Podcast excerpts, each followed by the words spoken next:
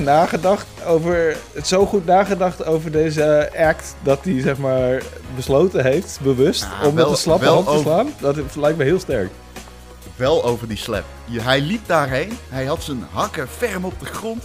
Je zag dat hij zeg maar indraaide. Ja. Hij, hij, hij, hij had hem echt geladen, de hand. Als een, als een revolver in zijn achterzak. Ja. En hij kakte zo. Bam! Let's kabam, boom en welkom bij een nieuwe Powerpraat. Jawel, de podcast van Power Limited, waarbij we het hebben over films, series en vooral heel veel games. Ik ben Jacco Peek en vandaag zitten we hier met een iets andere opstelling. We zijn hier zoals altijd met Ron Forstemans. Hey Ron. Maar we hebben een verrassing voor jullie, want Wouter Brug is er ook bij van de Light Side, de andere Powerpraat. Wouter, wat doe jij hier? Ja, hoezo? Jij hebt me gevraagd. Ik bedoel, eh, en, eh, en de eerste keer dat we dit deden ging het heel goed. Dus toen heb je, toen heb je me nog een keer gevraagd. Ja, voor wie... Je, weet dit niet. Maar de voor, de- deze aflevering is al een keer opgenomen. Ja, het is Oh echt God. Toen heb ik hem gehost. Hij duurde bijna anderhalf uur. Ja. Maar in de praktijk duurde die drie uur. Ja, Omdat Wouter anderhalf uur lang in deze chat zat. Terwijl hij riep... "Eh, ja, ik kan niet inloggen. Oh, Nvidia drivers, Ja. dat. Ik kan niet Ja. inloggen. maar Nee, serieus, toen- Ik ben nog steeds 50 minuten. boos over het feit dat je een, een account moet hebben voor Nvidia om je fucking drivers op te moeten kunnen eh, daten. Wat is dit voor wereld? Is en, dat ook ik, belachelijk, man. en dat ik dan vervolgens. Ja, en dat ik dan vervolgens mijn, mijn hoe heet dat? OBS-ding niet kon opnemen omdat ik geen drivers had voor goede drivers had voor Nvidia. Anyway, heel lang, heel boring verhaal. Maar ehm, we zijn nu eigenlijk in een soort van alternatieve dimensie podcast beland. Jinx het niet, Laat, het laten we niet. ook niet het detail vergeten waarbij we uiteindelijk wel anderhalf uur hebben opgenomen. maar jij de Ons ook op-. De hele opname heb verpest alsnog. Het is gewoon... ja. We hebben letterlijk 2,5 uur besteed aan poep, aan niks. Ja, Eh, en dat- hoe komt dat? Ja, Ma- Martin heeft dus geen internet. Dat is ook heel handig. Die werkt deze week op een hotspot. eh, maar die kon dus niet opnemen, want dat is instabiel. Ehm, maar goed, het, we hebben wel een beetje geluk bij een ongeluk. Want in de tussentijd is er best wel wat gebeurd. Eh, ik wil het eerst even hebben over het allerbelangrijkste nieuws van deze week. Namelijk de slap van Will Smith. Wat vonden jullie van de Ja. slap? We hebben allemaal iets met vechten, dacht ik opeens. En ik dacht van, ja, we- wat is nou onze professionele kijk op die slap? Niet, eh, Wacht niet- even, wij hebben allemaal iets met vechten. ja, ja, we hebben allemaal gevochten, toch? Dat... Ja, Oh ja, ja, ja. Ja, klopt. allemaal- Oh nee, het is niet dat wij in een fightclub of zo zitten. Of wou in het weekend. Nee, en nee, als wij in een fight club zaten, dan spraken wij daar niet over. dat, dat is inderdaad regel 1. Ja. Nou, ik, ik, ik moet wel zeggen, ik bedoel, ik, ik heb gevochten. Ik, ik bedoel, ik heb gevechten verloren en gewonnen, ook buiten de ring. Dat hoort. Maar ik bedoel meer als in ehm, die. eh, wat, je, wat, hij- wat ik heel erg herkende bij Will Smith was na de hand toen hij riep van. Keep your wife's mouth. Of eh, keep your wife's name. Toen hij dat zei, herkende ik heel erg van dat hij. Daarna, toen die adrenaline wegzakte, dat hij echt zoiets had van. Oh. Oh, kut, Ja, wat heb ik gedaan? Post-slap. Spijt is dat. Ja. Maar ik weet niet eh, goed of ik voor de dramatische slap was gegaan of gewoon voor de full-on fist punch. Want Maar ik denk dat dat wel een groot verschil is. Ook al Ja. is dat in de praktijk... eh, is, kun je best iemand goed raken met je handpalm. En dat, dan eh, breek je ook minder snel je knokkel. Dus dat is stiekem best wel eh, een goed ding. Maar ik denk dat als hij hem Ba- echt neer Bas had Rutte, gehoekt- de, de Nederlander Bas Rutte, heeft daar in Azië furoren meegemaakt. Met Ja, zijn de, palm de, strikes. de, de lever, de leverslap stoot. en de maar- palm, palm strike. Ja, ja, oké, maar dat is wat anders dan slappe hand, slappe pols en eh, laten fl- fla- flatsen, ja, zeg maar. ja. Maar als het een hoek was geweest, dan was het denk ik, was er, waren de reacties wel anders geweest, denk ik. Van de mensen. Ja, Ook oké. al was de impact misschien niet heel anders geweest. Maar dat is het hele ding. Heeft hij echt nagedacht over, zo goed nagedacht over deze act dat hij zeg maar besloten heeft, bewust, Ja, om met een slappe hand te over- slaan? Dat lijkt me heel sterk. Wel over die slap. Je, hij liep daarheen. Hij had zijn hakken ferm op de grond. Je zag dat hij zeg maar indraaide. Ja. Hij, hij, hij, hij had hem echt geladen, de hand. Als een, als een revolver in zijn achterzak. Ja. En hij kakte hem zo. Bam! En je zag hem ook gewoon weglopen. Zo, hij deed zijn, zijn, zijn, zijn, zijn, Yes. eh, zijn dingetje nog even goed zo. En hij liep weer terug. Ja. Het was eh, bewust, man. Ja. Het is wel- maar hij was ook goed. Het is wel mooi. Ik Ja, vind het het is wel een mooi, mooi gebaar als in hij, hij heeft de, de honor van zijn vrouw eh, verdedigd. En dat was voor hem het juiste om te doen. En misschien ook zijn eigen eer natuurlijk in het proces. Ik bedoel, misschien was het nog wel belangrijker, je weet het niet, je kan niet in zijn hoofd kijken. Maar het is wel een mooi, bijna galant gebaar op zich. Toch? Ik weet, ik weet niet, man. Geweld is nooit goed, vind ik. Alleen, Nee. ja, nee, het is nooit goed. Maar weet je wat het wel is? Kijk, als een vreemde... Kijk, zij kennen elkaar waarschijnlijk, weet je. Ze kennen elkaar al 30 jaar uit de industrie. Maar als een, ik vind het heel raar dat hij gewoon mocht blijven zitten daar. Ik bedoel, hij heeft wel iemand gewoon... Het was gewoon assault on stage. Ja, omdat Kijk, als het hij niet wil... Denk ik. Ik denk omdat Nou ja, als hij een hoek had gegeven, was hij gelijk Ja, eruit. Dat was wel heel handig. denk ik. Ja, precies. Als hij een, een roundhouse kick eh, Vliegende knie. op de... oh, ja, precies. Zo'n Muay Thai clinch eh, op... eh, nee, maar ik bedoel, als... Als ik dat had gedaan bij de Oscars, dan, dan hadden er vier security agenten eh, op mij gelegen. En dat, Ja. Ik dacht wel, ik vind het een beetje raar dat hij mocht blijven zitten. En daarna gaf hij een speech en iedereen klapt terwijl hij net gewoon een comedian on stage in zijn gezicht heeft geslagen. Dat is toch wel enigszins, eh, Ja. nou ja, markant. Ik zag, ik zag een reactie eh, op Instagram volgens mij van eh Anne Viv. eh, de actrice die Anne Viv speelt in Fresh Prince of Bel-Air. Ik weet niet of je Fresh Prince of Bel-Air hebben gezien, maar hij had dus een, zijn onkel Phil waar hij bij een huis ging. Zeker. En die had een vrouw en dat is Anne Viv. En die actrice die Mhm. had gereageerd met... eh, eh, ik, ik, ik, het, is niet het is niet goed wat je gedaan hebt, maar ik snap waarom je het hebt gedaan hebt. Soms is de maat gewoon vol. En Chris Rock, ik heb hem één keer ontmoet en er zit iets evils, iets gemeens in die man, zei ze. dus misschien hebben ze daarom getolereerd, omdat iedereen weet dat Chris Rock eigenlijk best wel een lul is. Maar I don't know. Dat is, kan natuurlijk ook een, een, een... Misschien is Will Smith meer geliefd dan Chris Rock eh, in, in, in, in zeg maar de, de, de acteurscirkels. Maar I don't know. Ik, ik vond Will het Smith grappig is geval. geliefd, ja. Ik vond het ook grappig, man. Het is gewoon, ja... ja, Ik, ik had er echt niet over nagedacht. Wat ik zag was, eh, iemand maakte een grapje die eigenlijk te ver ging. Will Smith denkt, ja, fuck jou. Hij geeft hem een slap en hij gaat weer zitten. En ik had de hele circus daarna had ik eigenlijk niet verwacht. Dat de, de hele discussie was over het onderzoek en zo. Ja, Ja, maar het is eh, ook, het is, het is het belangrijkste is natuurlijk dat de Oscars weer even eh, in, in het daglicht zijn gekomen. Terwijl iedereen de laatste eh, jaren sowieso heeft van de Oscars zijn boring en niet meer relevant en rot maar op met je gesodemieter. En nu zijn ze weer even eh, in de picture. En op, op negatieve, nou niet eens echt op negatieve manier. Mensen vinden het Nee. interessant. Dus- ja, ik heb geen idee wie er wat gewonnen heeft.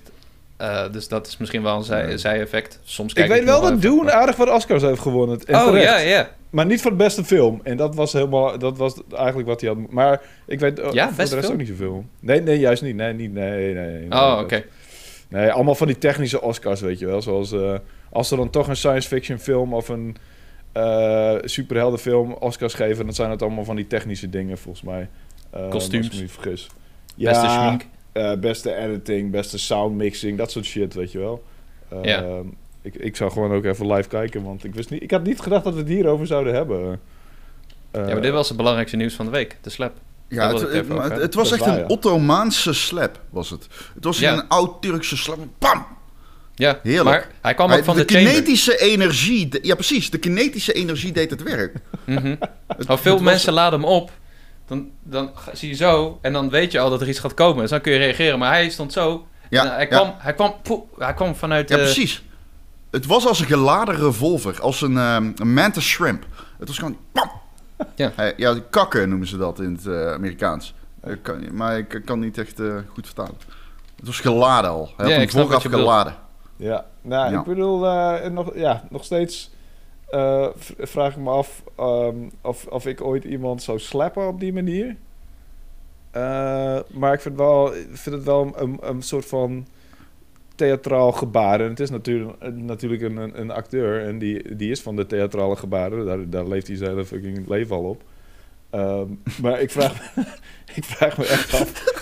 Hey, ook, ook als je nu zoekt op Oscars trouwens, je krijgt alleen maar foto's van Chris Rock, Jada Pinkett Smith en, eh, en Will Smith. Het is echt helemaal niet meer van wie, Ja, maar heeft de prijzen gewonnen. De memes ook, jongen. De memes. Ja, ik, en hier gaan we nog jaren plezier van. Al die gaming memes, die Elden Ring memes en de, eh, de Pokémon memes en de Street Fighter memes. Nou, man, echt. Ja. ah, daar geniet ik het meest van. Dus Ja. ja, wil, wil je nog wat zeggen over de Oscar-winnaars, Wouter? Of is het... Ja, eh, ik, ik zit er nu een beetje boeiend? doorheen te, heen te scrollen en het is, eh, weet je, de, de meeste films heb ik niet eens gezien, om eerlijk te zijn. Eh, meestal kijk ik ze ook pas na die tijd, weet je wel, als ik zoiets heb van, en dat is ook waar de Oscars goed voor zijn. ja, dat als- heb ik ook wel, ja. de winnaars die krijgen nog even een tijdje, of een, eh, die staan even in het zonlicht en die, die zorgen ervoor dat ze weer, weer- even wat eh, promotie krijgen. En, maar Dune heeft in ieder geval make-up en haar hairstyling gewonnen, zie ik hier. En de original score. En dat is wel terecht natuurlijk. Hans Zimmer heeft echt een fucking awesome soundtrack gemaakt voor Dune. Ja. Dus dat, dat is... eh en back- Best Picture is Coda. En dat is echt volgens mij een soort van hele late binnenkomen... waarvan iedereen dacht van... Oh, really? Het schijnt een Ik hele warme... dat is. Ja, het schijnt een hele warme knuffel van de film te zijn. En, eh, Warm, oh, dat kan ik wel gebruiken. Ja, precies. Dus, dus misschien is dat wel een... eh, production design is trouwens ook Dune. Dat verbaast me ook niet zoveel. Dus dat is ook wel... Dat is op zich wel echt een mooie, mooie Oscar om te winnen. En ook gewoon sound in het algemeen is ook Dune. Dus het zijn inderdaad voornamelijk van die technische dingen die Dune heeft gewonnen. Ik ben er wel blij mee. Ik vind Dune ehm, awesome. En het ver- verdient alle erkenning Ja. die, het, eh, die het kan krijgen. Maar voor de rest, ja... Zeker, man. Het was de slap voor en de slap na. En voor de rest, meh. Ik, ik, ik ben ook al lang niet meer zo heel erg geboeid door de Oscars. Ik ben er nog wel eens voor opgebleven in my time, maar tegenwoordig Ja. doe ik dat niet meer. Ik- Ik, het is niet zo... eh, het is niet zo... Het, het grappigste is meestal die host die best wel, inderdaad, zoals in dit geval ook, eh, de heel Hollywood aan het afzeiken zijn. Zoals, was, de, was dat nou Ricky Gervais die het bij de Oscars deed? Ja. Of deed hij het nou bij de BAFTA's? Ik weet het niet meer, maar in ieder geval... Oh, volgens mij ook de Oscars. eh, ja. Ik vind, ik vind dat het ja. mooiste van de Oscars. Dat ze echt... Want ze staan recht tegenover al die gr- grote namen. Gewoon in hun gezicht. af te zeiken. En eh, dan is het ook eigenlijk geen wonder dat er op een gegeven moment de gast opstaat en denkt van... Weet je wat? Fuck deze shit. Slap. Je gaat Volgend geen jaar doet de Rocket, hè? Ik ben benieuwd wat er dan gebeurt. Eh, Weet je of ik de Rock zou slappen, hoor? Misschien van een afstand. Ik zou in ieder geval niet proberen te hoeken. Dat is één ding dat zeker is. Ik denk dat mijn arm niet eens daar, daar kan reachen gewoon. Dus een krukje mee. Nee, je moet... à la Bloodborne moet je in zijn rug komen. Want hij is heel breed, Ja. dus hij kan zijn rug niet... Net als alle brede mensen komt hij niet bij zijn rug. In, zijn rug komen. Dus dan... Weer op Je zijn rug moet get in that ass, get in that ass. Ja, je moet hem bereiden als een pony. Je moet hem bereiden als een pony. de enige manier waarop Nice. je hem naar beneden krijgt, ja. Prachtig. Nou goed. Ehm, het echte grote game nieuws van deze week was natuurlijk dat PlayStation Plus is vernieuwd. Yay! Het was heel lang gerucht. Eigenlijk was alles al gelekt. Maar nu is het officieel. Het heet PlayStation Plus. En wat gaat veranderen? nou, er zijn drie verschillende tiers. En in feite wordt PlayStation Now deels samengevoegd met de PlayStation Plus zoals we het nu kennen. Dus online spelen, eh, kortingen en maandelijkse gratis games. Maar wat er ook nog aan toe wordt gevoegd is een hele gamecatalogus. En afhankelijk van welke tier je neemt, dat bepaalt hoe groot die is. Dus je hebt de premium, nee, je hebt de extra tier. Dan heb je ongeveer 400 games van Sony, maar ook van partners, zeggen ze. Eh, waaronder Returnal en Spider-Man Miles Morales. En dan heb je nog de premium tier. En dan krijg je ook toegang tot classic games van de PlayStation 1, PlayStation 2, PlayStation 3 en PSP. Eh, en die zijn allemaal streamable. En de, eh, het grootste gedeelte is ook te downloaden. Dus ja, wat.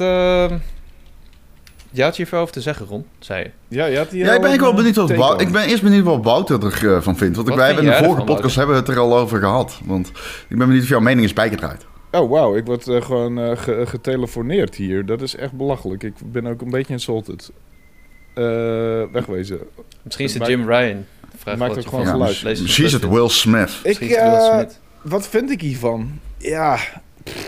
ehm, ik, ik, ik. Ja, ik, we hadden inderdaad de vorige keer een gesprek over dat ik zeg maar ehm, iets minder onder de indruk ben van de backlog van PlayStation dan, dan jullie allebei volgens mij. Dus van de geschiedenis van PlayStation vind ik iets minder eh, interessant de, eh, misschien zelfs dan die van Microsoft. Dus het hele tiersysteem met, met zeg maar oude games kunnen spelen, vind ik om die reden ook niet extreem boeiend. Wat ik gewoon het meest interessant vind van PlayStation is wat ze wat, wat de Ik nieuwste, snap niet hoe dat kan. nieuwste titels Jij zijn. zegt dit zonder enige ironie. Ik snap niet hoe dat kan. ik snap gewoon niet hoe je met droge ogen kan zeggen dat de backlog van Sony niet zo interessant is. Begrijp Ik niet- ga gewoon alleen. Metal Gear Solid. Gewoon alleen Metal Gear Solid al. Alleen, Ja. ja. maar dat, noem je één game. Noem er nog een paar. Noem, de, de- Devil May Cry. Oké. Spyro the Dragon.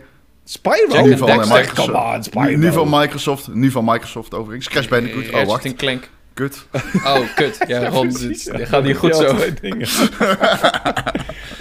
Nee, maar ik... Nee, maar, nee, maar nee, dat komt nee, ook omdat ik bijvoorbeeld... Sony heeft een geweldig, eh, geweldig backlog. eh, bedoel, Dat komt fuck, ook omdat ik heel, eh, heel niet, niet heel erg geboeid ben door hun zeg maar, eh, 3D-platform games. Zoals die hele Sly Raccoon-serie vind ik niet super interessant. Eh Ratchet Clank heb ik pas de laatste twee delen van opgepikt.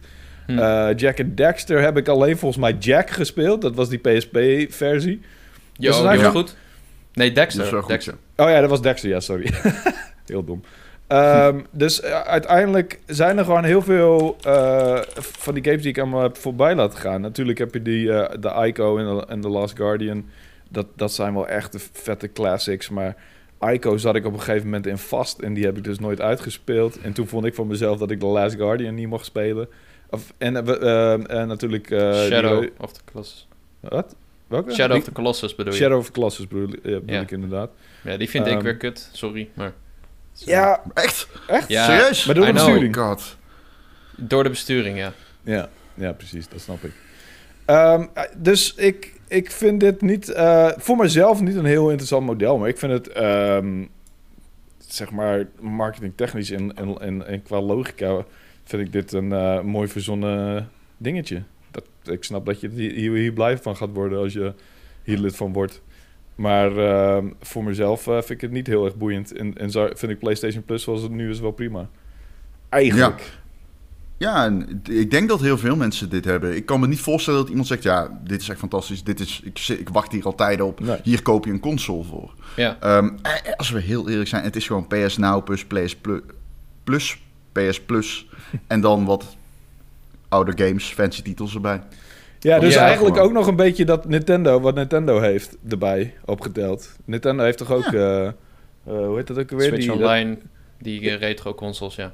ja, precies. Dus ze hebben al, van alles een beetje genomen. Zo van, oh ja, we doen een beetje Microsoft, doen een beetje ons eigen ding Ja. en we doen een beetje Nintendo. Ja, en, sommige titels, eh, PlayStation 3 titels... die kun je alleen streamen, dan in 27p. Hè? Dat zijn 27p games. Mhm.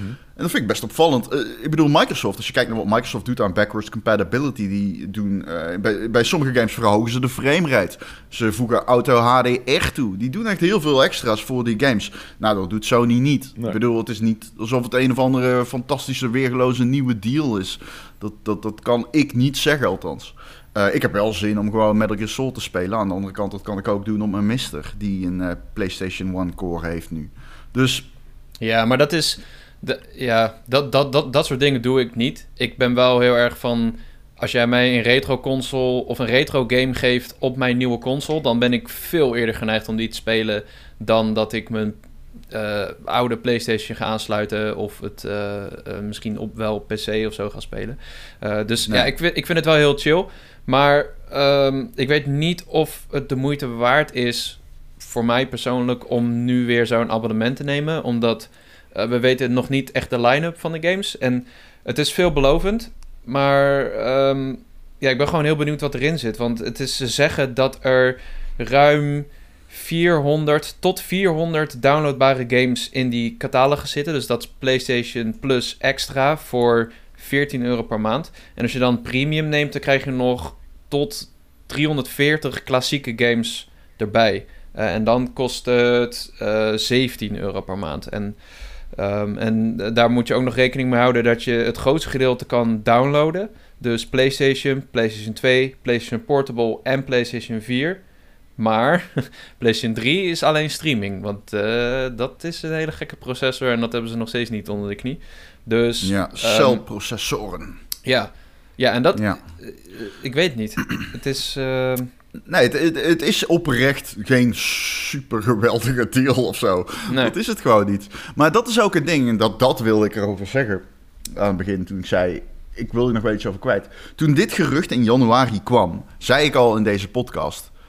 Iedereen die denkt dat dit een soort Game Pass gaat worden, komt bedrogen uit. Gegarandeerd. Ja. En toen kreeg ik online weer allemaal mensen in DM of uh, onder die uh, tweet van... Oh nee wel, want uh, Sony die kan natuurlijk echt wel... die hebben een hele rijke geschiedenis en die kan zijn geld wat ze niet in acquisities steken in timed exclusives. Nee, dat gaat gewoon niet gebeuren. En dat zie je nu, dat, dat wil Sony ook helemaal niet. Jim Ryan heeft daar een, een interview over gegeven... waarin hij zegt, dat is echt een heel belachelijk argument. Hij zegt dat de kwaliteit van de games eronder te lijden heeft. En hij spreekt over een, eh, een, een virtuous cycle voor games. Ja, ik heb de quote hier. Ik kan hem even voorlezen als je wil.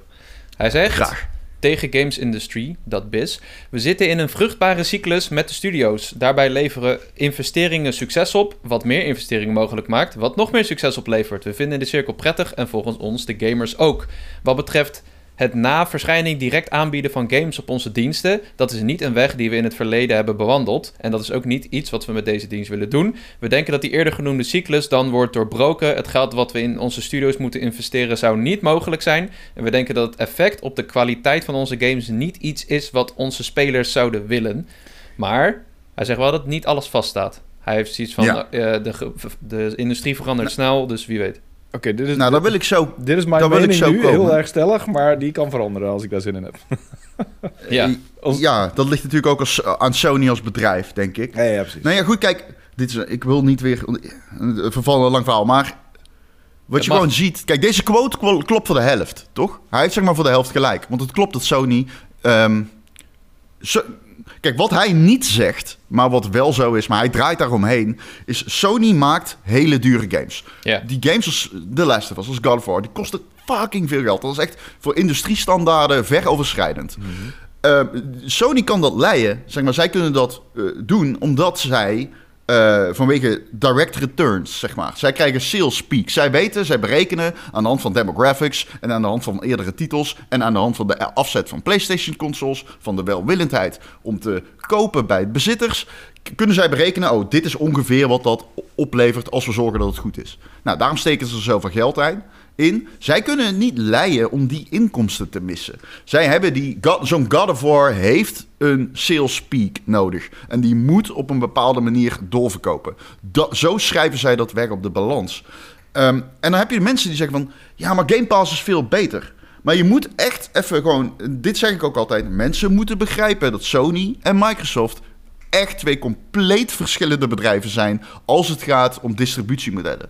En dat komt omdat Microsoft speelt echt disruptor van de markt... en kijkt gewoon naar de lange termijn.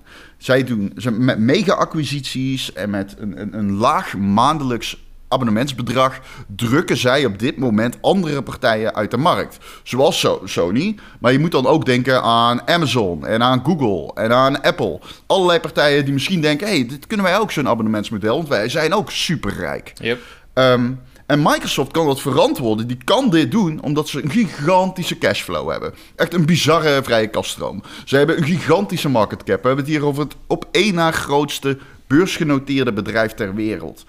Ehm, zij kunnen dat verantwoorden. Sony kan dat niet. Ergo, het is nooit, maar dan ook nooit de bedoeling geweest van Sony om te gaan concurreren met Game Pass. Want ze weten dat ze dat niet kunnen. Nee. En, en dan heb je dus, ja, even ook, dan heb je dus, Mhm. sorry, dan heb je dus mensen Nee, die zeggen, ja, maar hoe kan het dan dat Sony alsnog meer geld verdient dan Microsoft? Dat is dan het argument wat je vaak hoort. Want zelfs na de acquisitie van Activision, mocht die doorgaan, is de omzet van de gamesdivisie van Sony groter opgeteld dan die van Microsoft.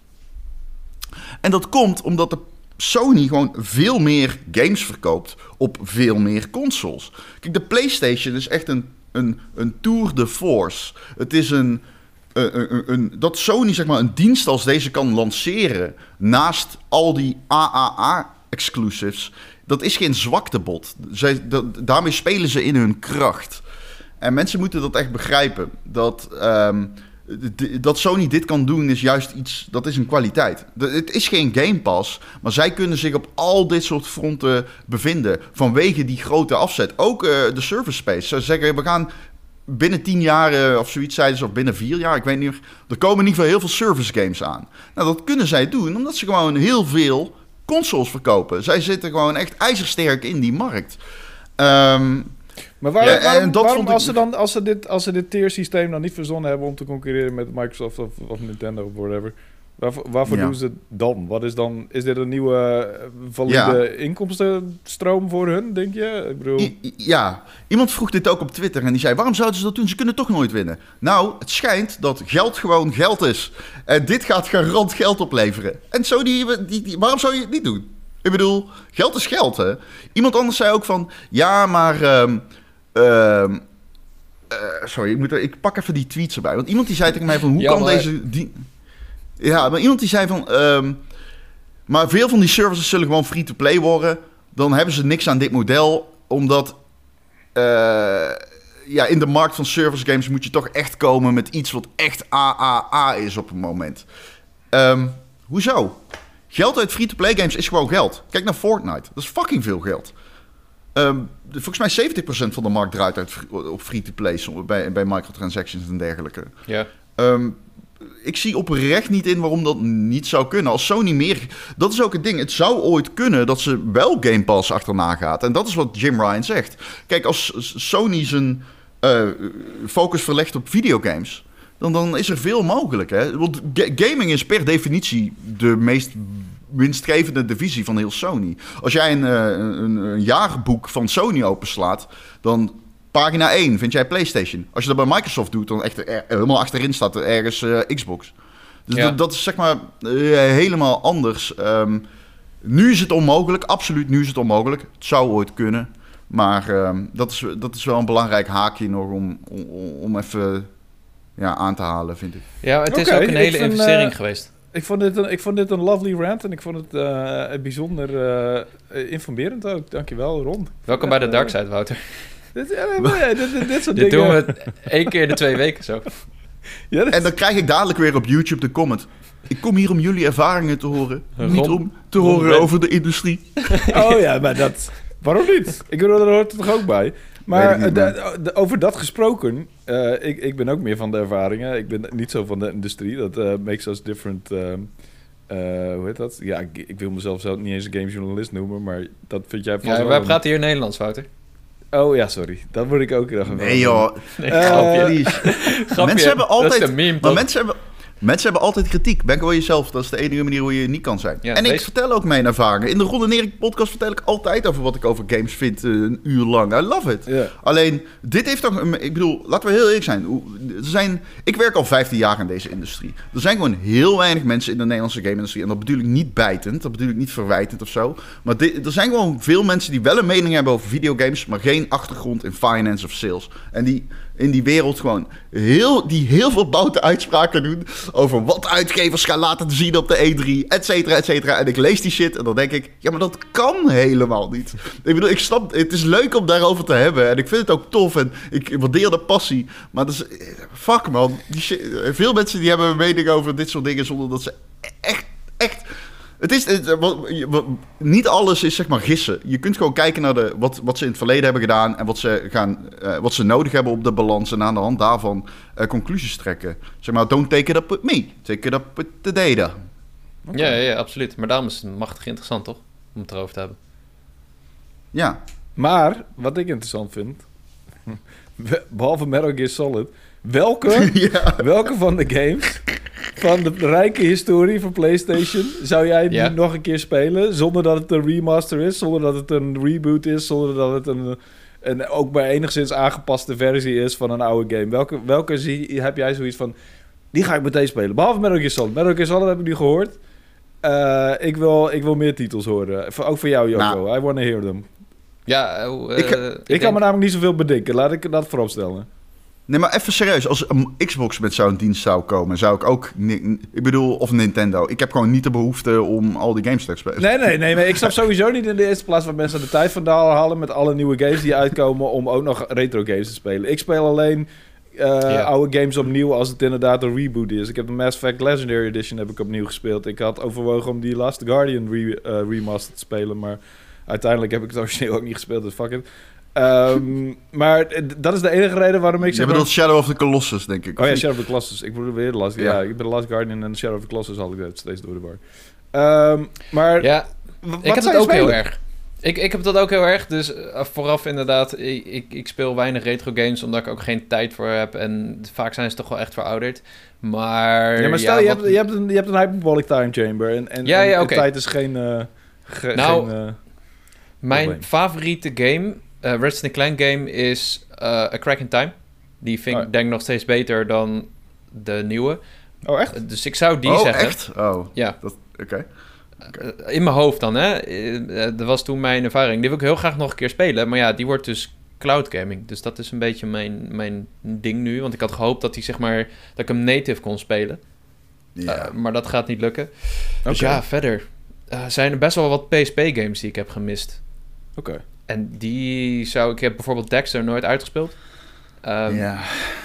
Metal Ik denk niet dat dat een game is die nu nog indruk gaat maken. Dat, dat is Nee, een ja, vaak- dat is het. Dat is het, ja. Nee, ik dat is vind een het beetje lastig wat, om wat, we de vorige keer ook al over hadden. Heel veel games van PlayStation hun geschiedenis zijn, zeg maar, maken gebruik van de, van de technologie van destijds. En dat, het- ik wil niet zeggen dat het allemaal tech-demo's zijn of dat het allemaal, weet je, eh, het- het- sommige games kunnen geen klassiekers zijn omdat ze te tijdsgebonden zijn qua technische praal, zeg maar. Zo van, ja. dit is een 3D-game, dit is een 3D-wereld, super lege 3D-wereld. Ik bedoel, dat soort dingen, zeg maar. Van, oké, Ja, ik snap het wel. het heeft geen tijdloze gameplay. Het heeft gewoon een, een, een technisch snufje wat het interessant maakt, dat al lang verouderd is. En, ehm, en ik noemde de vorige keer volgens mij Murder, Death, Kill als voorbeeld, maar er zijn nog vast wel meer voorbeelden te noemen. En natuurlijk zijn er uitzonderingen, want de Devil May Cry is fantastisch, maar dat is volgens mij ook niet een serie die even stabiel is gebleven. Volgens mij is deel 2 echt heel kut. Ehm, en deel 3 is dan wel weer oké. En deel 4 vond ik dan weer geen hol aan. Ik bedoel, en die zat ook al niet meer alleen op de PlayStation trouwens, want die heb ik op de Xbox gespeeld. I don't know. Ik, ik vind- Okami. Is ook een game op de Switch, toch? Even op, op de ja, die Wii. is eh gepoord. Die is Maar gepoord. ja, dat ja. is het ding met al die games. Ze zijn de, de, echt de beste games. Die zijn allemaal al geport. En eh, niet eens de beste games. Gewoon eh, een hele hoop games. Want Devil May Cry kun je ook gewoon in, als een trilogie spelen. Okami kun je spelen. God of War was de eerste waar ik aan dacht. Maar die heb ik al tien keer opnieuw gespeeld. Op de Vita en op de PlayStation 3. Omdat die ook al zo vaak zijn geport. Dus voor mij blijft er niet heel veel meer over, denk ik. En is het misschien de... Maar Vita heeft toch geen, geen port van God of War? Die hadden toch een eigen delen? Zo Change of Olympus of zo. En Ghost of Ja, Sparta. PSP. ik- Oh ja, dat PSP was dat. Ja, die vond ik vet, man. Ghost of Sparta. Maar die heb ik ook al drie keer gespeeld. Ja. Dus Ja, oké. Nee, maar ik vind God of War vind ik een goeie. Dat is echt een serie waarvan ik denk, ja, daarvoor moet je op de PlayStation zijn. Daar kan je nergens anders op zijn. Op. En, en ook omdat de laatste God of War natuurlijk niet een heel andere soort game was. Zouden Mhm. die God of War games wel eentje zijn waarvan ik denk, die ga, daar zou ik wel naar terug gaan als ik, als ik de tijd had. En eh, unlimited, eh, ja, unlimited tijd. Ja. Maar alleen ik dan. vind die fantastisch. Ja, maar voor de rest, ik, we- ik, weet het echt, ik vind het echt lastig. Ik vind het echt lastig om te kunnen bedenken wat nou echt waardevolle ehm, games zijn om naar terug te keren na al die, al die jaren binnen de PlayStation collectie. En ik heb daar met Microsoft iets minder moeite mee, want daar, ehm, daar zou ik nog bijvoorbeeld een Jet Set Radio Future willen spelen. Daar zou ik bijvoorbeeld nog... eh, ehm, het is een hele niche game en ik weet ook niet eens of dat... Ten eerste kun je die games allemaal al spelen trouwens. Het is allemaal geen enkele moeite op de Xbox. Ehm, maar Kingdom on the Pass. Fire... Ja, precies. Welke zei? Kingdom on the Fire is echt een van mijn favoriete... Amuleg. Amu, Amu, toch?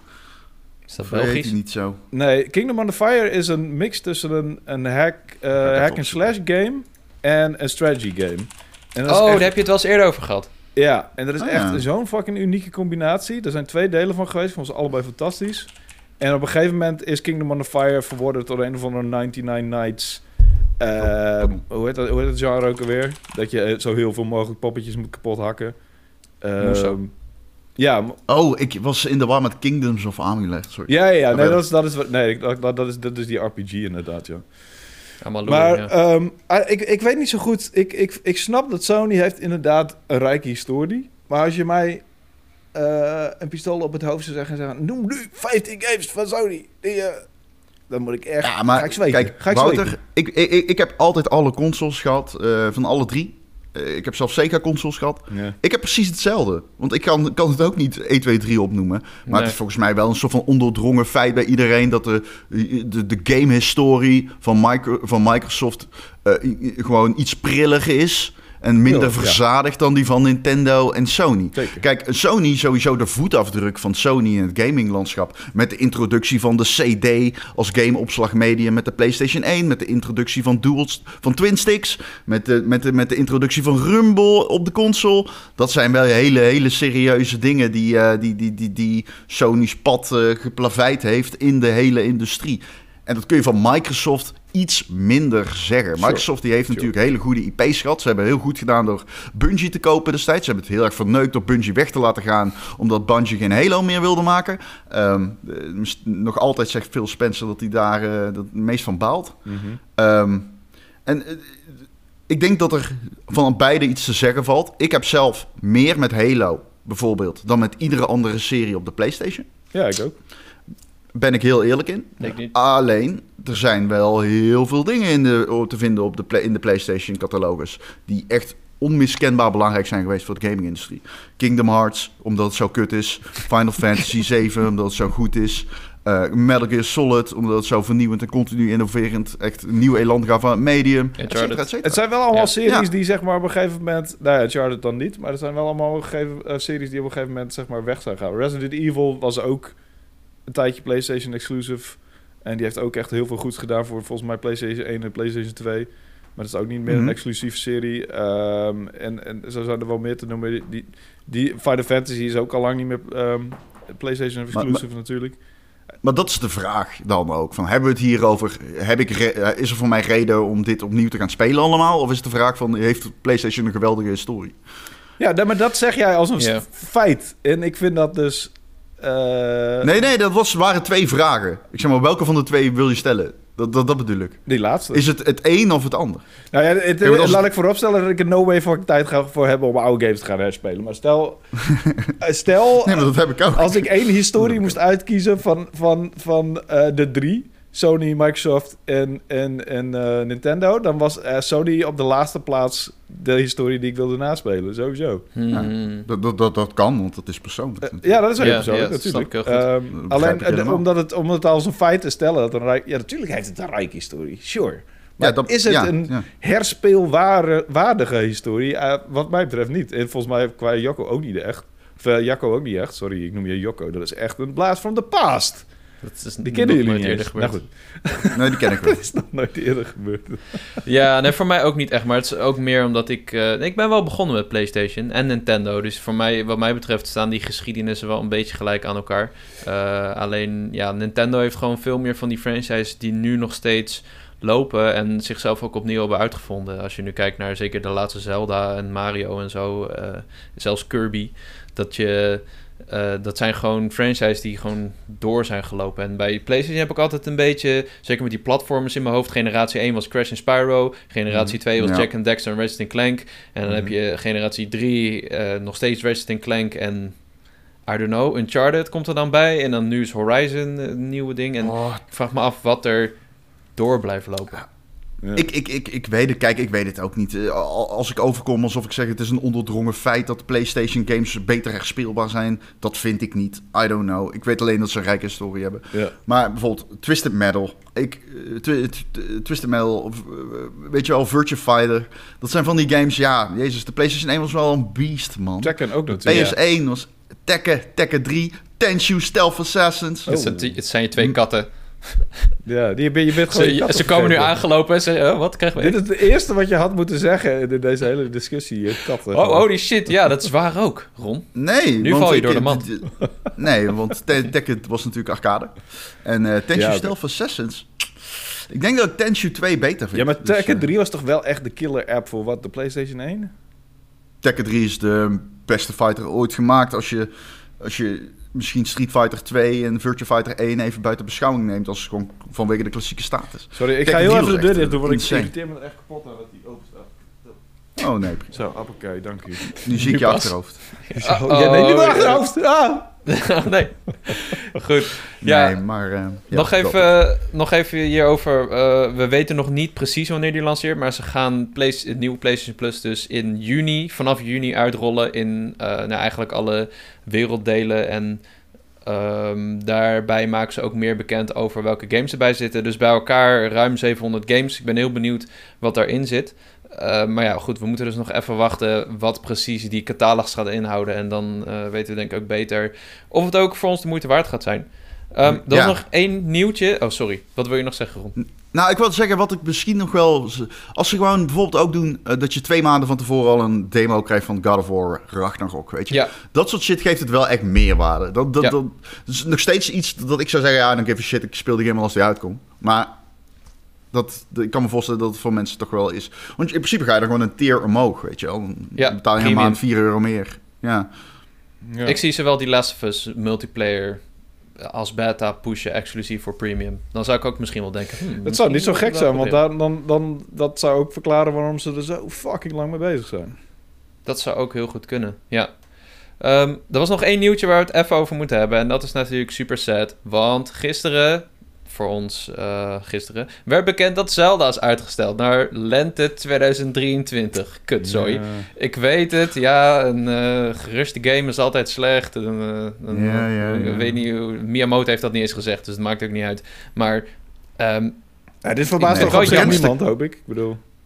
Nee. Wie had, hem Nee, echt- nee. had jij hem echt verwacht in Nee. 2022? nee, nee, nee. Nee. Oeh, Ik had hem wel verwacht in 2022. Echt? Ja? Ja, Ik- ja, ik- ja, ik, ik werd dacht wel echt dat minder hij dit zeker. jaar zou komen. Oké. Eh, ja, en- de en- geruchten gingen dat, hij, eh, dat het niet zo goed ging met de dev cycle, maar... eh, Maar, maar eh, hij zou, eh, de titel is ook een soort van gelekt. Wat was het? Breath of Duality of zo? Ja, ja. Dat kwam van een oud PlayStation Power journalist die opeens deze week met, die- met dat gerucht kwam. Eh, Een dag eigenlijk voordat dit nieuws bekend werd. Dus dat is wel toevallig, zou ik zeggen. Dubieuze Maar, eh, adem is wat ik, dat, dat, dat is hoe het mij klinkt. Zeg maar iemand Ja. die... Breath of Eh, Duality. stinkt hij nou uit zijn bek? Nee, nou, misschien een beetje. ja, precies. Maar Breath of Duality, dat is serieus de gelekte titel? Ja, Ja, Dat is een beetje weer de titel. ja of ik vind het ook weird. Ik vind Dat het echt weird. sense? Ik vind het echt een super dubieuze titel, maar dat zal... Breath of the Wild, I get it. Maar Breath of- Breath of Duality klinkt een beetje zo... Oh, oh man. Ja. Ja, nee, het is, het is natuurlijk het ding. De, de spelwereld wordt uitgebreid naar de lucht. En eh, dat zou een beetje voor de tweedeling zorgen. Eh, dat hebben we al gezien in die paar trailers. eh, twee trailers die we hebben gehad. Eh, en hier hadden we maar liefst vier seconden of zo. Drie seconden nieuwe footage. Waarin we Link een kapotte Master Sword op zien pakken. En hey, ik weet niet wat het betekent. Maar het was wel interessant. Eh, en verder hebben ze gezegd dat de, de, de Het game betekent dat je je. Master Sword moet maken. Dat betekent het. Ja, ja dus de, het enige wapen wat niet kon breken in Zelda, dat is nu gebroken. Weet je hoe vervelend dat is? Oh, jeetje. Dan moeten, dat, ze denken, laten we die dan breken en dan moeten mensen de hele game proberen dat te fixen. Eh, maar hij zegt ook dat er nieuwe personages, wat logisch is, en nieuwe gameplay elementen in zitten. Eh, en daar hebben we vorige keer natuurlijk ook iets meer van gezien. Het leek alsof je de tijd en de zwaartekracht kon manipuleren. En eh, ja, als zij daar met de puzzels helemaal crazy op gaan, dan ben ik heel benieuwd wat daaruit gaat komen. Dus ja, dat. Oké. Jammer. Ik eh, ben je nog wachten. steeds onverminderd hyped over... eh, Ja. Dit is wel mijn nummer één game waar ik naar uitkijk. Niet meer dit jaar helaas, maar...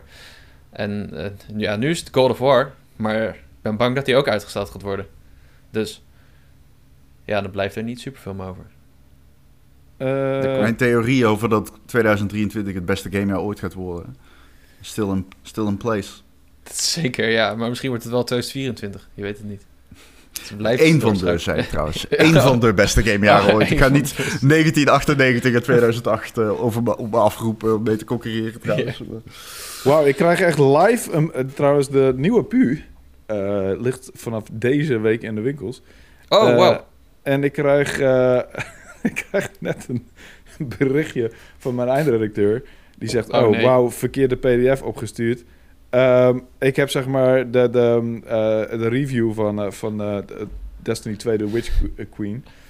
heb ik op het laatste moment, zeg maar vlak voor de drukke deadline... heb ik nog een kader opgestuurd over de raid. Want die had ik pas op het laatste moment gespeeld natuurlijk. En ehm, nou is dat kader dus niet doorgekomen. En staat nu letterlijk onder het kader... het onvermijdelijke de, eh, Vow of the Disciple, zo heet dat kader. Dit staat eronder 50.000 keer... dit is tijdelijke invulling, dit is tijdelijke invulling... dit is tijdelijke invulling, dit is tijdelijke invulling.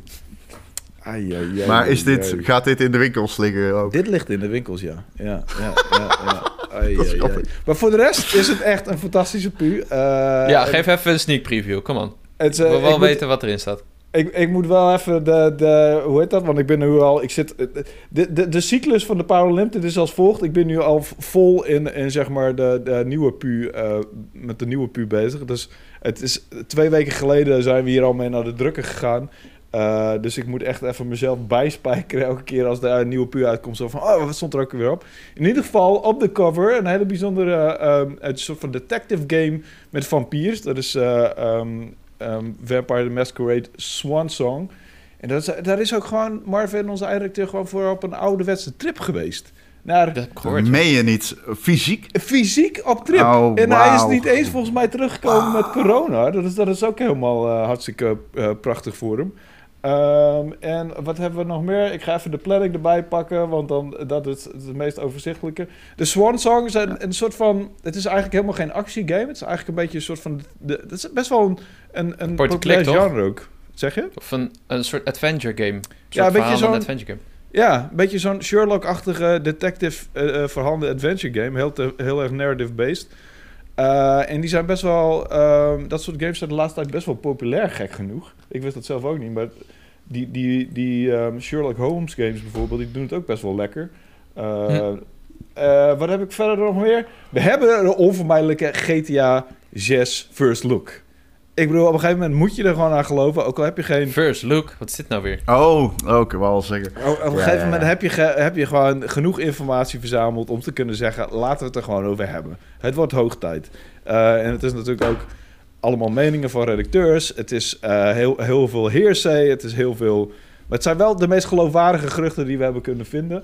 Eh, staat er gewoon in. Het is een fantastisch artikel van Peter Koelewijn. Nou, Peter Koelewijn is, is, zoals jullie weten, ehm, een van de meest eh, kundige schrijvers op de aarde.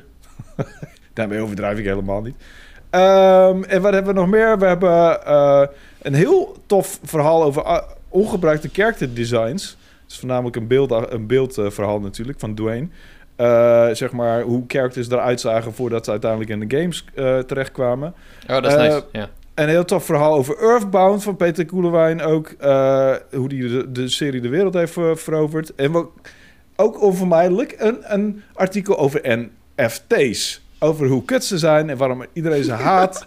En wat wij de meest belachelijke eh, N- NVT's vinden van JJ.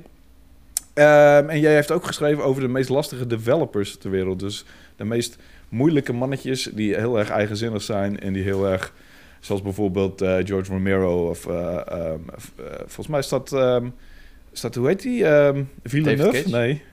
Oh, Pieter Molyneux. Molle- ja, nee. precies. Ja. Volgens mij staat die er niet eens tussen, dus moet je nagaan. Maar ik, ik weet het niet 100% zeker. Eh, qua reviews hebben we Trial, Stra- Trial, eh, Triangle Strategy, Total War, Grid Legends, GT7, Kirby en Destiny dus met een kader die niet helemaal goed gelukt is. Eh, mijn excuses daarvoor. dit is invulling, dit is invulling. ik had echt op het laatste moment zo'n mooi kader geschreven ook. Ik was daar echt, echt trots op. Niemand die hem gaat lezen. Nou ja, goed. Eh, en Elden Ring is, eh, hebben we ook nog even meegepikt. Want eh, die konden we in de ehm ehm puur niet Review. meenemen. Ja, de review, ja. Oh, cool. Ehm, en we hebben nog een preview van Test Drive Solar Crown. Nintendo Switch Sports. Dat was wel grappig, want we kregen meteen... twee weken nadat eh Jurjen dit verhaal heeft geschreven... kregen we een uitnodiging van Nintendo... om uh, daadwerkelijk de game te komen bekijken. Maar dat is hoe het soms werkt. Eh, en van Advance Wars Reboot Camp, die ook vlak naar die, Oh. die echt uitgesteld is. Want eh, dingen Ja. met oorlog vindt Nintendo niet helemaal oké nu in het huidige klimaat. En dat snap ik wel. Eh, dus eh, heerlijk, lekker volgepropte pu. Ik heb er fucking zin in. En eh, bij deze mag je dit horen en je hebt de pu voor je liggen. En je denkt van dit is invulling, dit is tijdelijke invulling. Nou ja. Dan weet je wel hoe het komt. Dan weet je Ja. hoe het komt. Ik heb die raid dus wel echt daadwerkelijk gespeeld. En ik had er ook echt een goede mening over. But you know.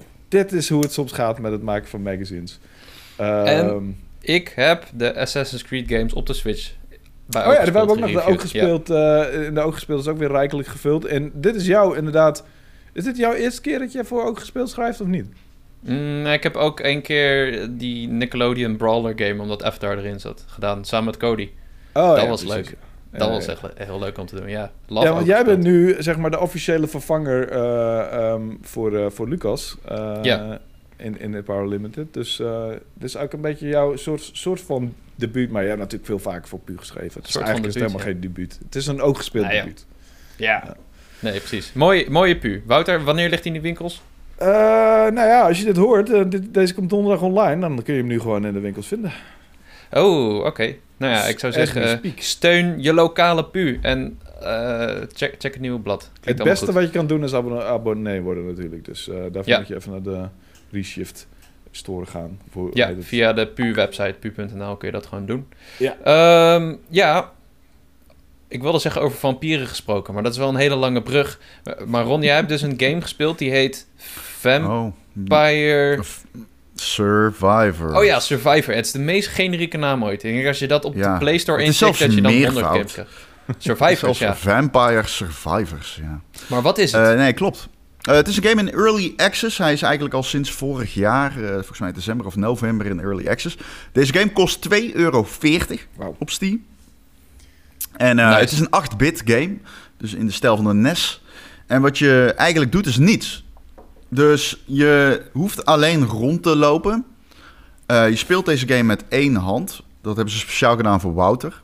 Dit is een referentie naar de vorige podcast, die nu niemand begrijpt. Er zijn echt weinig games Ehm, die met één hand kan spelen. Echt heel Dus weinig. Wout- Wouter data moet verspreiden. De laatste Ja, game die ik ja. kon spelen met één hand was GTA 2 volgens mij. Hoe oud was je toen? De, eh, eh, weet ik veel, eh, 12 of zo. En toen... Nee, dan Hmm. kunnen we het er niet over hebben. Maar ehm, het eh, was een. eh, het, het, wa- het was een goede podcast keer. Ik vond het heel interessant om jou beter te leren kennen. Maar ehm, over deze game. Deze game is dus een, een soort van passive game. Het is ook een soort van bullet hell shooter. Alleen jij bent de bullet hell. Dus je loopt gewoon rond met WASD of met de muis. Je kan eh, kiezen. Ehm, en het schieten gebeurt automatisch. En er komen gewoon vijanden vanuit alle richtingen op je af. Je loopt gewoon op een grasveld. Het is top-down. Mijn kat eh, is dingen aan het doen waarvoor, waardoor ik misschien zo meteen moet ingrijpen. Anyway. Ja, dat is Tekken 3. Die is zo irritant. Maar goed. Ehm, anyway, dus... Dat is geen zes eigenlijk niks. Nee, duidelijk niet. Nee, nee, nee, nee, nee, nee, nee. Ehm, dus je doet eigenlijk niks anders dan rondlopen. Maar het ding is net zoals bij Hades, krijg je steeds upgrades. Je moet uit drie upgrades kiezen. Dus bijvoorbeeld ehm, kun je kiezen dat, je, dat er een bijbel om je heen vliegt... die gewoon steeds damage doet. Je kunt kiezen voor garlic en dan krijg je een aura om je heen... waardoor enemies echt wegmelten als je gewoon bij ze in de buurt komt. Maar je kunt ook messen gooien of automatisch enemies targeten... of bliksemschichten laten neerkomen, triviaal op het slagveld... En in het begin dan gaat dat nog een beetje traag. Maar des te verder je komt, des te meer levels je stijgt, des te meer upgrades je krijgt. En dan wordt het, wat ik al zeg, gewoon een bullet hell shooter. Dan, dan ja, je meldt die enemies echt weg. Ze komen vanuit alle kanten op je afrennen. En eh, ja, jij, jij bent gewoon een soort van god op het slagveld. Ben je alles aan het eh, wegslaan, schieten of wat dan ook. Ja, maar nee, maar En- dat zeg je wel. Maar als ik het goed begrijp, hoef je dus niet actief te slaan en te schieten. Nee, dat gebeurt automatisch. Ja. Dat vind ik dus heel bijzonder. Dat je zeg maar, ik bedoel, Ja. eh, je hoeft ook niet de kant op te mikken of zo. Het, het gaat, ze vallen gewoon om, om je heen, zeg maar. Je moet wel, ja, nee, goed. Je hebt dus bijvoorbeeld eh, het mes. Dan kun je wel, die gaat, die wordt geschoten in de richting die je loopt. Ja, oké. Ehm, maar je hebt ook veel auto-targeting dingen. Ehm, maar je maakt dus eigenlijk beelds. En ehm, die beelds maak je terwijl je speelt, niet van tevoren. Maar je kunt wel verschillende. Je hebt wel een currency waarmee je eh, dingen permanent kun, kunt ontgrendelen. Zoals nieuwe characters. Maar je kunt bijvoorbeeld ook zeggen van, oh, ik wil een revive. Eh, als je genoeg geld hebt verdiend door runs te doen, kun je zeggen, ik koop een revive. Of ik zorg dat de Bijbel die om me heen gaat kracht, krachtiger wordt. Of eh, ik zorg voor een extra projectiel voor alles. Dat is eigenlijk een beetje hoe het werkt. Ik hoor aan de linkerkant van mij een kat letterlijk alles in de keuken naar beneden tyfen. Kat, waarom doe je dat? Oh, ik mis katten. Ik heb nu een hond en dat, eh, I love that be beest a bits. Maar ik wil ook een kat erbij. Lijkt me fantastisch. Als ik dit zo Nee. hoor. Dan moeten ze wel vrienden worden, want anders heb je een probleem. Dan gaan ze daar ook de boel afbreken. Nee, natuurlijk moeten ze vrienden worden. Dat eh, is geen Ja. optie. Dat, eh, maar die, die, die, die doofus die wij hebben, die, die kan niet anders dan vrienden worden met een eh, eventuele kat. Kijk nou. Gadverdamme. Daar is die. Hij ziet er Oh. echt super schuldig uit. Ja, voor de mensen die alleen luisteren, hij het is echt een, een, eh, ja, een beetje een mollige kat, mag ik dat zeggen? Tekken Nee, wel, maar het- hij, is, ehm, hij is een beetje fuzzy, zeg maar. Is het zo'n eh, beest. Russische korthaar, of niet? Britse. Britse, ja. Een Britse korthaar. ja, ja, ja. Ja, hij vindt het niet fijn om vastgehouden te worden, dus Gromt dat doe ik hij altijd maar heel kort. Nee, nee, nee. Ik hoop dacht dat ik het hem hoorde grommen. Als Tekker gromt is dat waarschijnlijk geen goed teken, want dat doet hij nooit. Het is eigenlijk een tijger. Kijk dit haar. Gewoon, hij. Oeh, ja, dat is dan weer een Ja. nadeel inderdaad. Maar goed, eh, Ja, ja. jij, bent, dus- jij bent dus een soort van 8-bit Ja. eh, Hades ben je aan het spelen. Dus dat En, ja, nou ja, precies. Eigenlijk wel zonder het verhaal en de voice acting en de, de, de, de fantastische graphics en stijl natuurlijk. Maar het is wel net zo verslavend. Nee, zeker. Het is 8-bit. Het is een, het is een NES-game. Het is ook maar 2,40 euro. Maar het is super verslavend. Het is echt een aanrader voor mensen die eh, vatbaar zijn voor dat soort gameplay. Maar het is wel echt een gameplay game. Het is echt een gameplay game. Ja, precies. en verder speel ik, eh, ver- verder speel ik eh, Tunic. Die game waar we twee weken geleden ook hebben- over hebben gehad. Ja, ik vind die game echt fucking fantastisch. Ja, die game doet echt super, super bijzondere dingen. En, Ja, dat is best uniek. In het begin denk je, oh, het is gewoon een, een soort Zelda. Maar dan kom je erachter dat het eigenlijk meer een soort Fez is. En dat er superveel geheimen in die wereld zitten. Ehm, ik, het is bijna zonde om het te verklappen. Maar wat die game dus doet, is... eh, die geeft jou een handboek steeds. Een soort van pagina vind je steeds van een handboek, een handleiding. En ehm, gaandeweg... die- in het begin denk je, huh, ik kan dit niet lezen. Dit is in een andere taal. Het zijn een soort van hieroglyphen. En, maar als je het dan toch... Op een gegeven moment denk je, ja, er moet wel iets met die handleiding zijn. Dus als je dan toch de moeite erin steekt... en eh, heel af en toe dan praten ze Engels in de handleiding... en een beetje tijd erin investeert... dan kom je dus achter de geheimen in de spelwereld. En zo ontdek je hoe je eigenlijk met dingen kunt eh, communiceren... en geheimen kunt vrijspelen.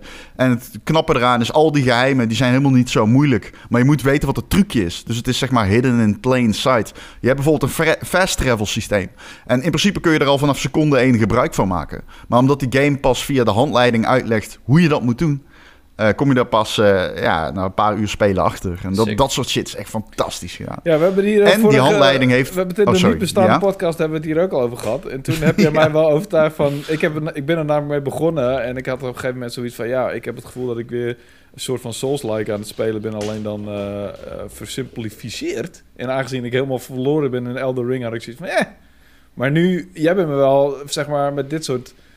eh, het, eh, het, feit dat er zeg maar allemaal geheimen in zitten die je langzamerhand ontdekt, ben ik wel weer ge- geïntrigeerd, zeg maar. Want ik, ik zat bij die eindbaas en dan vertel je mij van ja, de- de- ik zat een van eindbaas met een stokje te mappen.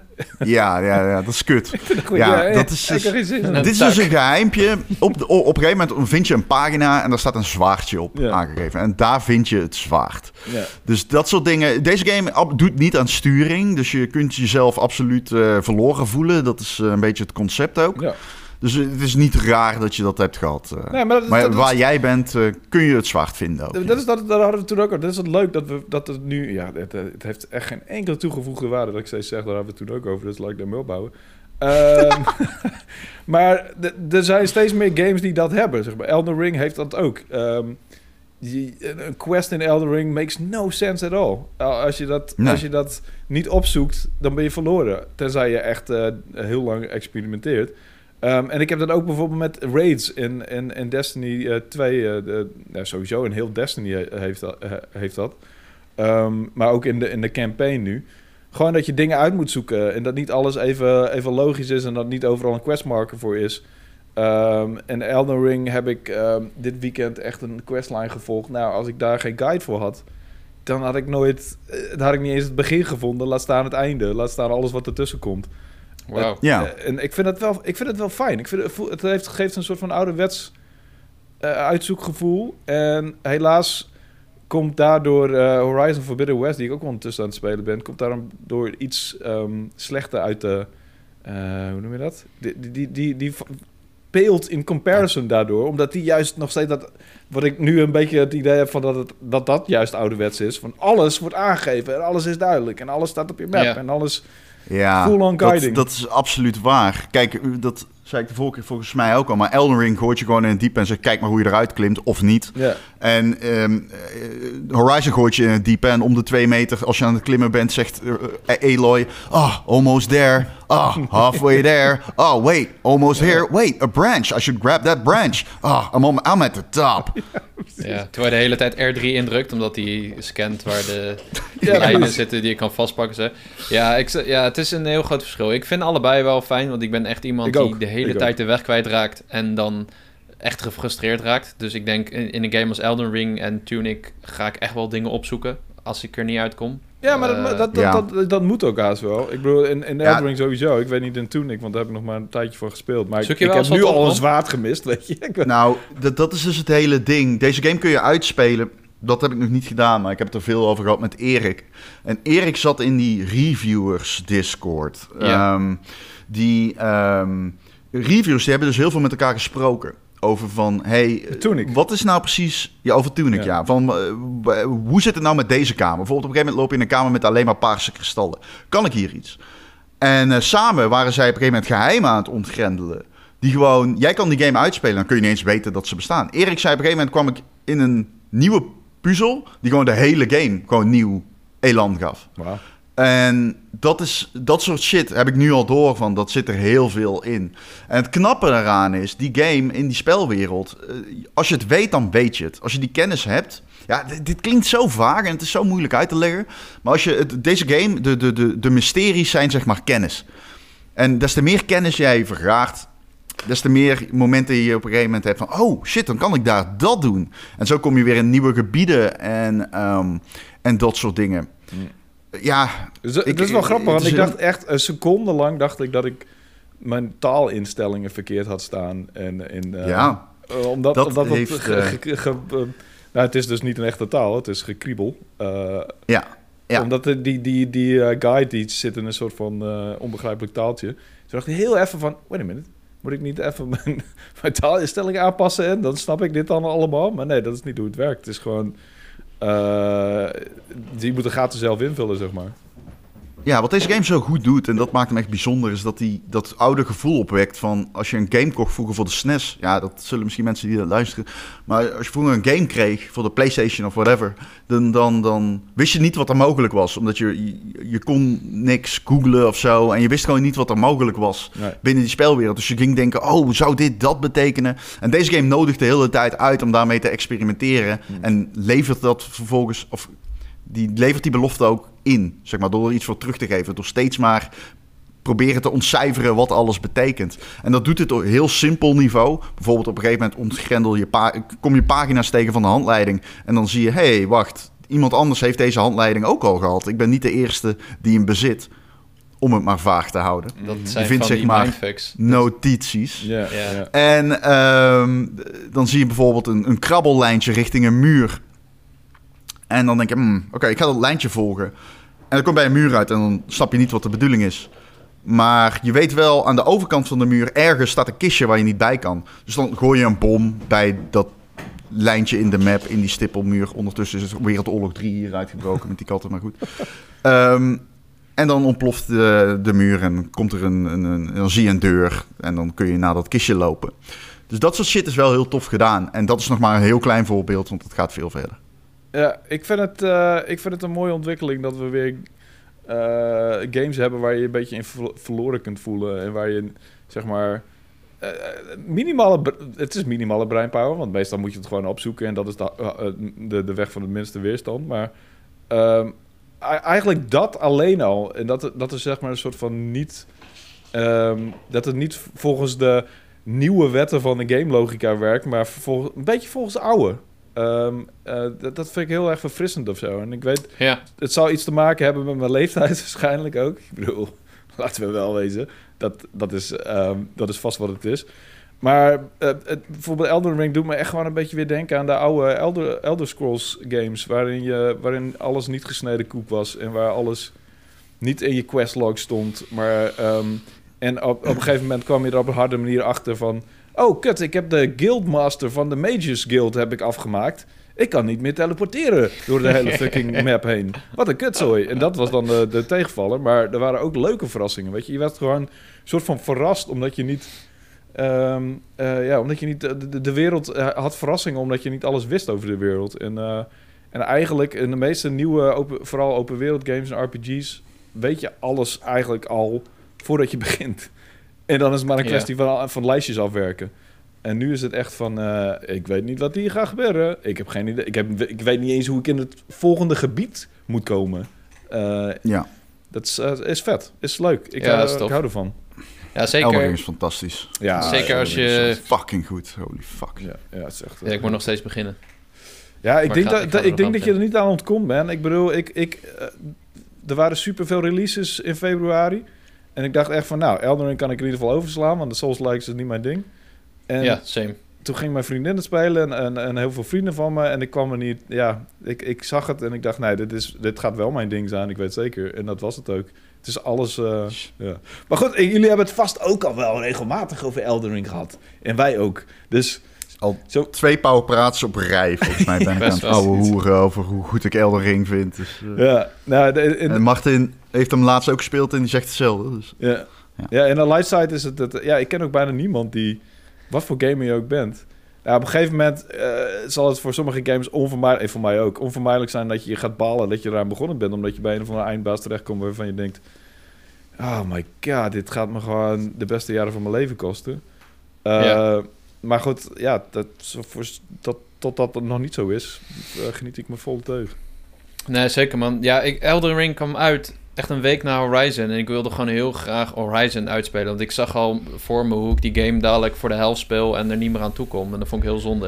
Ik Dus vind het die ook ik- echt wel zielig voor Horizon eigenlijk. Ik weet niet of het echt heel erg hun eh, sales gaat eh, beïnvloeden, maar ik kan me niet voorstellen dat ze er... Ja, eh, ja, dat lijkt mij ook inderdaad. Ik kan me niet voorstellen dat ze er ongeschaad van afkomen dat eh Elden Ring zo dichterop zat. Ehm, ja. En dat is best wel tragisch voor ze. Ja, ja, goed. Ja, ik denk dat hij dat, dat hij wel genoeg verkoopt. En dat hij... eh, dat, dat, dat weet ik wel zeker zelfs. Dat is toch een gigantische IP voor eh, Sony. Ja, toch? Ja, en hij is goed gereviewd. Dus ja, ik vond hem zelf ook heel vet. Ik heb gewoon de eh, main quest en alle sidequests gedaan. Ik ben er ruim 40 uur mee bezig geweest. En uiteindelijk was het wat mij betreft alles waard. Ehm, en toen dacht ik, ik ga Elden Ring spelen. Maar toen kwam Kirby en de Vergeten Wereld uit. Yay! Dus die heb ik in mijn quarantaine afgelopen weekend gewoon in één keer uitgespeeld. Want hij is niet super lang. Ehm, de eerste 3D Kirby game. Vorige games van Kirby waren of 2D soort van platformers of eh, minigames. Ze hebben heel veel van die minigames ook nog gepoord naar 3DS en zo. Eh, maar wat mij betreft, en ik heb lang niet alle Kirby games gespeeld, wel de, eh, bijna alle recente titels, is dit echt veruit de beste Kirby game. Ehm, want wat, wat het vooral heel tof maakt, is dat het is een, een soort post-apocalyptische wereld, maar gewoon Kirby-stijl. Dus alles is cute en kleurrijk en er zijn forsjes die je aanvallen en je moet kuikentjes naar moeder 1 leiden. En eh, het is nog steeds heel makkelijk. Je, je hebt twee moeilijkheidsgraden, de, de breezy mode en de wild mode. En als je de Pulletjes. wild mode kiest... Sorry? Pulletjes. Eh, Pulletjes? Eendekuikens heten pulletjes. Heet die die pulletjes? Oh, oké, de pulletjes heb je ook in de game. Eh, maar hij is nog steeds niet... ja, oh. hij, hij is nog steeds niet heel moeilijk, dus... ehm, dit, je, je wandelt er in principe zo doorheen. Maar omdat, er, omdat die wereld vol met geheimpjes zit... Je hebt die Waddle Dees, die, die waggelende eh, eh, mannetjes... Die zijn dus overal verstopt. En eh, die kun je op bepaalde plekken in de map vinden. En er zijn ook nog wat andere uitdagingen van... Hey, eh, steek zoveel lantaarns aan of zo. Ehm, maar je moet dus een beetje in de omgeving gaan scannen naar eh, vijanden die je dan kan opzuigen eh, om die ability over te nemen en daarmee een deur te openen. Dus je, eh, je- een vuurmannetje om een lantaarn aan te steken waarmee er een deur open gaat. En dan moet je het molmannetje worden of de boomerangman waarmee je weer iets door kan snijden. enzovoort, enzovoort. En dat zijn best wel leuke kleine uitdagingjes. Dus het, is- het is bijna meer een puzzelgame dan een platformer. Het is echt een soort ja, puzzel-platformer light. Eh, en heel leuk gedaan wel. Ik vind het echt een hele toffe game. En je hebt dus die mondvol modus. Dat je een object opslokt. Nog steeds schokkend deze titel, echt. Nog steeds schokkend, ja. Maar daar gaan ze helemaal crazy mee, man. Je wordt een auto en dan kun je gewoon racen op een circuit. Of je bent een frisdrankautomaat en dan moet je binnen de tijd eh, door een groep vijanden en dan een muur doorbreken om weer zo'n Waddle Dee te redden. Eh, en het wordt eigenlijk alleen maar gekker en grappiger. Ze weten heel goed wat ze doen. En die, die, die laatste levels en het laatste gevecht is gewoon echt full-on apocalypse. Het is echt in rode lucht op een flatgebouw Bayonetta tegen ehm, wezens uit andere dimensies vechten die shit op je gooien. Het is echt heel grappig gedaan. En ehm, Oké, ja, dit, ik vond het klinkt een niet hele als leuke die... eh, tussendoortje. dit klinkt niet als de, de, de laatste Kirby game die ik speelde, was die, eh, die, die, die, die film Epic Yarn. Epic Yarn, inderdaad, ja. En dat was echt... Voor zelfs iemand die ik, die weinig ervaring heeft met platformgames, was dat echt... Weinig ervaring. Ik bedoel, inmiddels al wel wat, maar ik ben er niet mee opgegroeid, zeg maar. Ik ben niet met een Nintendo Ja. opgegroeid. En dus heb, zit die, die platformactie zit niet in mijn vingers inge- ingrained, zeg maar. Eh, vond ik dat zelfs al veel te makkelijk. Dat ik dacht van, nou, dit is echt niet... Dit is gewoon, dit is gewoon geen uitdaging. Ik weet niet waarom ik dit Nee. doe. Is dat... Nee, het is, die is heel makkelijk. Maar eh, deze game is wel iets uitdagender hoor. Je moet wel echt opletten wat je doet. En je hebt dus een soort van postgame, zou ik niet te veel over zeggen. eh, waarin je best wel wat levels nog hebt. En dan moet je echt wel opletten. Dan moet je echt zorgen dat je je abilities hebt geüpgrade. En eh, Oh, een beetje de juiste abilities meeneemt. Ja, dan, daar ben ik eh, best wel dood gegaan. Dus er zit wel wat uitdaging in als je dat zoekt. Maar je moet hem niet daarvoor spelen. Hoe gaat Dus, Kirby dood dan? Wat gebeurt er met hem? Ja, weet niet. Hij Wat is zo'n sterfanimatie? Ik, eh, springt hij zo plonk, zo uit beeld? eh, net zoals Mario, zeg maar? Of, Nee, nee, nee. Hij snijdt beide polsen door en laat zichzelf uitbloeden. dat klinkt wel Kirby. Ja, ik weet echt Esk. niet. Ja, nee, ik ben niet zo vaak doodgegaan in die game. In de main game maar één keer, omdat ik niet oplet of zo. Maar dat, je gaat ook best wel roekeloos spelen, omdat zo makkelijk is. Ehm, maar ja, volgens, mij, volgens mij wordt het beeld gewoon zwart. En dan zie je alleen Kirby en dan valt hij zo of zo. Zoiets. Oké.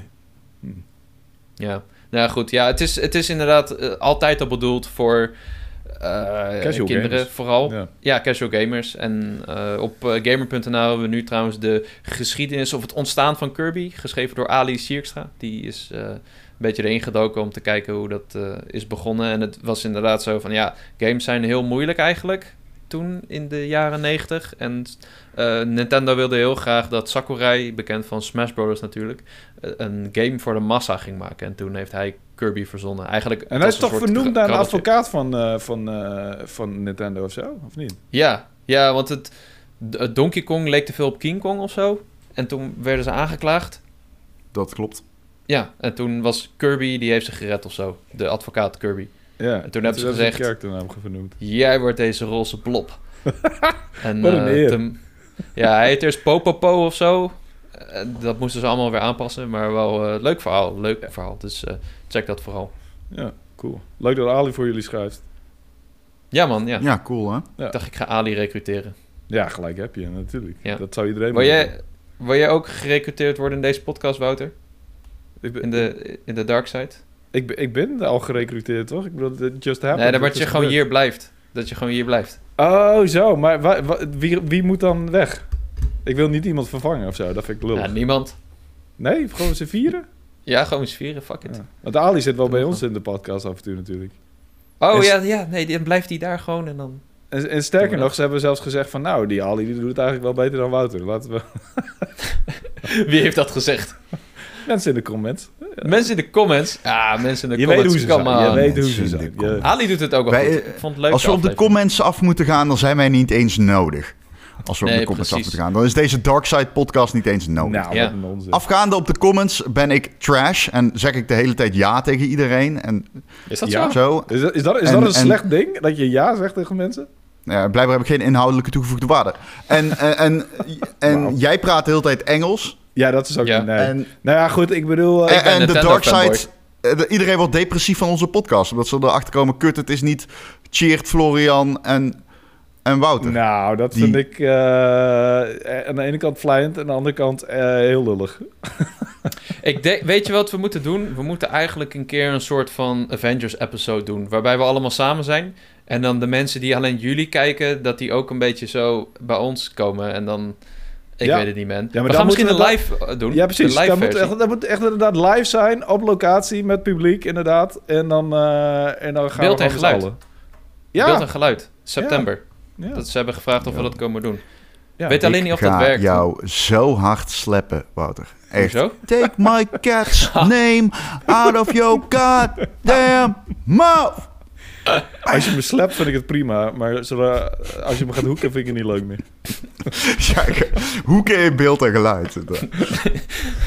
Ja, nou goed. eh, ik ben blij dat je er was, Wouter. Ik vond het leuk. Thanks ja, mijn excuses nogmaals voor de dubbele opnames. Eh, daar heeft niemand wat Ah, van gemerkt, maar jullie wel. Ik we- factureer hem gewoon twee keer. Komt goed. Deze moeten we eerst gewoon zorgen dat hij, eh, weet je, eh, goed online komt. Ja. Het kan altijd nog ontploffen. Dus eh, ik zou zeggen, laten we hem afsluiten. Thanks Wouter. Thanks. Ron. En eh, jullie Dankjewel, dankjewel. En uh, jullie thanks voor het luisteren en kijken naar deze Powerpraat. Volgende week is Wouter weer terug samen met Cheert en Florian. Uh, vond je dit nou een leuke aflevering en een leuke podcast? Laat dat dan even weten in de comments. En laat even een review achter. Doe een duimpje omhoog op YouTube. Ga naar de Apple Podcast app of de Spotify app. En laat daar een paar mooie sterren achter. Daar worden wij blij van. Uh, en dan zien we je weer bij de volgende Powerpraat.